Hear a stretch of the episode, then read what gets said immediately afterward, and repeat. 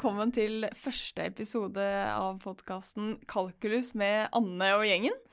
Jeg heter eh, Anne og studerer eh, matematikk ved Universitetet i Oslo. Eh, I denne podkasten skal jeg snakke med gjengen min om kalkulus. Og hvem denne gjengen er, det vil jo vise seg i løpet av podkastepisodene. Så en liten teaser der. Men uh, den første personen i gjengen min er her allerede, og heter Tom Lindstrøm. Velkommen. Takk. Uh, kan ikke du fortelle litt hvem du er? Det er vel ikke så veldig mye å si. Jeg er uh, professor i matematikk, har undervist i fleste fagene, tror jeg, i matematikk på universitetet her gjennom mange år. Veiledet studenter og kost meg så godt jeg kan. Og så har du jo eh, Du har jo også skrevet eh, boka 'Kalkulus', da, som eh, alle som tar det første emnet ved universitetet Eller første matematikkevne ved Universitetet i Oslo, bruker.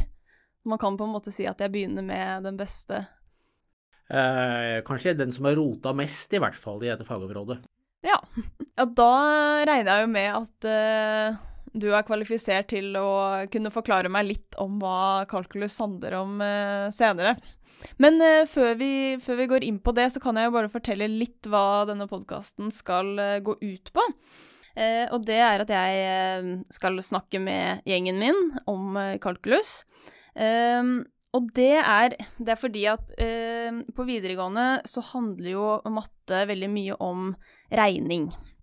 Mens eh, på eh, universitetet så blir matematikk mer og mer et eh, snakkefag, der man skal forstå konsepter og sammenhenger. Så planen er på en måte at denne podkasten kanskje kan gjøre overgangen fra videregående til universitetet litt lettere. Hva, hva syns du om det? Det er et godt utgangspunkt, så får vi se om du får det til. Eller vi får det til, skal jeg si. da. Eh, for før vi, før vi, går inn på denne overgangen, da, så må vi jo nesten snakke om hva kalkulus er. Eh, du, kan du på en måte si hva, hva, kalkulus innebærer? Ja, kalkulus handler jo stort sett om eh, integrasjon og derivasjon. Utvidelse av det, bruke integrasjon til å regne ut arealer og volumer. Eh, bruke både derivasjon og integrasjon til å løse differensialligninger, f.eks. Det som kanskje skiller eh, kalkulus fra andre deler av matematikken, er at grensebegrepet står så sentralt. Altså den deriverte er definert som en grenseverdi. Eh, når man kommer litt lenger ut i det første matematikkurset, ser man at integralet også er definert som en grenseverdi. Så grenseverdien er kanskje det som eh, først og fremst skiller kalkulus fra f.eks. det som kalles algebra i skolen, dvs. Si bokstavregning for bokstavregningens egen skyld. Ja, men da må jeg bare eh, Grenseverdier. Eh, for da, da, er det jo Er det da at vi går mot eh, uendelig? Eh, går mot null? Er, det, er, vi, er vi smått, eller er vi stort nå? Vi er litt begge deler, men kanskje det mest grunnleggende i kalkulus er smått. Uh, grens, altså, den deriverte er på en måte grenseverdien av tangentene når du ser på kortere og kortere intervaller, f.eks., så der er det noe som går mot null. Uh, integraler, der prøver du å, å tilnærme et areal ved å ta kortere, kortere eller smalere, smalere rektangler og tilnærme hele området ved hjelp av dem. Mm. Så selv om det finnes grenser som går mot uendelig, også mot andre ting, så er det kanskje først og fremst grenser når en eller annen variabel går mot null, som er typisk for kalkulus. Mm. Men så er det jo Altså, du nevner jo derivasjon og integrasjon og grenser, og alt det her har jo vært pensum på videregående. Eh, så man må, man må jo ha hatt disse fagene for å begynne på på matematikken her. Hvorfor, eh, hvorfor, må vi ta det en gang til? Ja, vi skal vel ikke ta det en gang til. Vi kan vel først og fremst si at man på videregående kanskje har skrapt litt i overflaten. Altså man skal nå lære å bruke derivasjon på flere ting. Eh, man skal lære å regne ut mange mye mer kompliserte grenseverdier og integraler enn det man kunne før. Så man må utvide ting for å få det verktøyet som trengs i andre fag. Men uh, som du selv har vært inne på, vi skal jo ikke bare gå i regneretning, vi skal også prøve å bygge teoretisk fundament under dette her. Fordi etter hvert så skal man ikke bare se på funksjoner av én variabel, f av x, man skal se på funksjoner av flere variabler, f av x, y, z osv. Og, da begynner intuisjonen å bryte sammen. Og Da er det godt å ha et teoretisk grunnlag å lene seg på, slik at man ikke, ba, ikke bare sier at jo, det ser jo ut som det er slik, men at man kan vite at det faktisk er sånn. Ja, og da, da er vi jo inne på bevis. Ja. Det er jo eh, Det blir jo mer og mer viktig jo mer og mer eh, matte man studerer. Ja. Og det har i hvert fall jeg erfart at det tok, litt, det tok litt tid før jeg på en måte turte å lese bevisene. Og eh, jeg, jeg kom meg jo på en måte langt uten å forstå bevis, og kanskje også forstå det det beviste. Kan, kan du si noe om hvordan er liksom opplegget her? Hva beviser vi, og ja. Ja, Vi kan jo begynne med å avskremme folk litt, kanskje. Altså Man kan utmerket godt få gode karakterer i disse begynnende kursene uten å kunne bevise så veldig mye, og kanskje uten å ha bevi lest bevisene. Eh, men det hevner seg senere, for når man da kommer til senere kurs, så har man ikke fått den innledende treningen man trenger. Når man kommer opp i la oss si, fjerde semester, så har man kurs som nesten bare består av bevis. Og hvis man da ikke har begynt å nærme seg bevisene tidligere, så kan det bli en veldig brå overgang. Mm. Så til å begynne med så gjelder det bare å prøve å forstå hva disse bevisene sier. For det første må man da Altså, det man beviser er jo matematiske resultater, såkalte teoremer. Så først må man prøve å forstå hva disse teoremene sier. Og så må man eh, kanskje forstå hvorfor dette ikke er opplagt, hvorfor er det noe man behøver å bevise. Og så må man prøve å sette seg ned og se på bevisene, bare følge dem skritt for skritt til å begynne med. Og se hva de sier for noe, og se om man greier å følge gangen i bevisene. Mm. Og hvis man liksom føler at jo, nå skjønner jeg at dette må være riktig, her er det ikke noe tvil, så er man litt på riktig vei. Ja. Men, eh, men du nevnte jo teorem. Ja, Det er jo kanskje et nytt ord, men det dukker jo, det dukker jo mye opp i eh, kalkulus.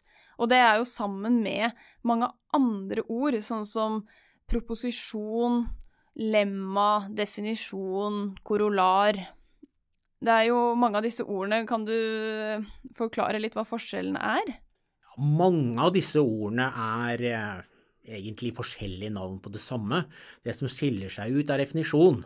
For eh, definisjon er ikke et resultat, det er noe vi bestemmer oss for. Så alle de andre, lemma, korolar, teorem, proposisjon, alt det er resultater. Det er navn på matematiske resultater. Eh, og grunnen til at vi bruker forskjellige betegnelser på dem, er at det kan være greit å vite litt hva som er viktig, og hva som kanskje ikke er så viktig. Så teoremer er som regel de aller fineste, og setninger eller proposisjoner er liksom kanskje litt mindre viktig, men allikevel på, på samme nivå. Et lemma det er en hjelpesetning, det er kanskje ikke noe du er så veldig interessert i seg selv, men det er en hjelp på veien mot en setning eller et teorem. Så eh, et lemma er ofte sånn av lokalinteresse, du trenger det der, men når du er liksom ferdig med å bruke det, så kan du nesten glemme det, for du kommer ikke til å bruke det så veldig mange flere ganger. Og et korollar, det er en følgesetning. Hvis du har vist et eller annet veldig fint teorem, så har det som regel konsekvenser som kanskje følger relativt umiddelbart fra teoremet, og de kalles ofte korollarer. Mm. Men bare for det, Du snakket jo om bevis i stad, og det er jo da disse resultatene som bevises. Ja. Mens en definisjon, hvor kommer den inn? Definisjon er noe vi bestemmer oss for. Vi trenger et presist språk. Hvis vi f.eks. har funnet ut at noen hele tall er delelig med to, mens andre ikke er det, og disse begrepene dukker opp eh, om igjen og om igjen, så kan det være greit å ha et navn på dem. Og da definerer vi et eh, helt tall til å være et partall hvis det er delelig på to, og så definerer vi det til å være et oddetall hvis det ikke er delelig på to. Og da har vi bestemt hva de eh, ordene brukes til. Mm. Men hvis vi skal da For da kan vi få noen resultater om denne definisjonen, da, på en måte, eller om de objektene som oppfyller definisjonen. Da kan man f.eks. bevise at uh, produktet av to oddetall alltid er et nytt oddetall.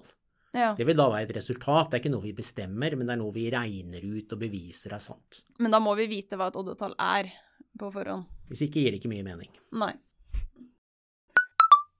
Da, da har vi jo fått eh, et lite innblikk i hva dette kurset kommer til å dreie seg om, da. Og lite grann eh, om de forskjellige ordene. Eh, så jeg tror kanskje vi kan, vi kan gi oss med matematikken der. Og så får vi se hva de neste episodene bringer. Og da, da slu, til slutt så har jeg et spørsmål som jeg tenkte å stille alle i gjengen min. Um, og det er Hvis kalkulus var et dyr, hvilket dyr ville det vært? Jeg tror det er et ganske stort dyr, og kanskje et uh, litt vennlig dyr. Så jeg har aldri tenkt på det før, men jeg tror kanskje jeg ville gå for en elefant. Kalkulus er et ganske stort område. Hvis du ser på læreboka, så er den ganske tjukk, så det er ganske mye man skal lære seg. Men samtidig føler jeg at den er ganske vennlig av seg. Og så et stort dyr og et vennlig dyr. Det eneste jeg kunne komme på, var en elefant. Jeg kunne kanskje tenkt på en hest isteden, men uh, Nei, men vi går for elefant. Føler kanskje at kalkulus er litt tyngre enn en hest. Det er et eller annet uh, veldig solid over det, på en måte. Ja. ja. Takk for uh, svaret. Det blir spennende å høre hva de andre i gjengen min uh, tenker på. Ja, kanskje, kanskje det kommer en maur etter hvert, for alt det vi vet. ja. Da gleder jeg meg til å høre forklaringen. Men tusen takk for at uh, du stilte opp, uh, Tom. Bare hyggelig. Og uh, til du som har lyttet til den aller første episoden av Kalkulus med Anne og gjengen, tusen takk, og så ses vi til neste uke.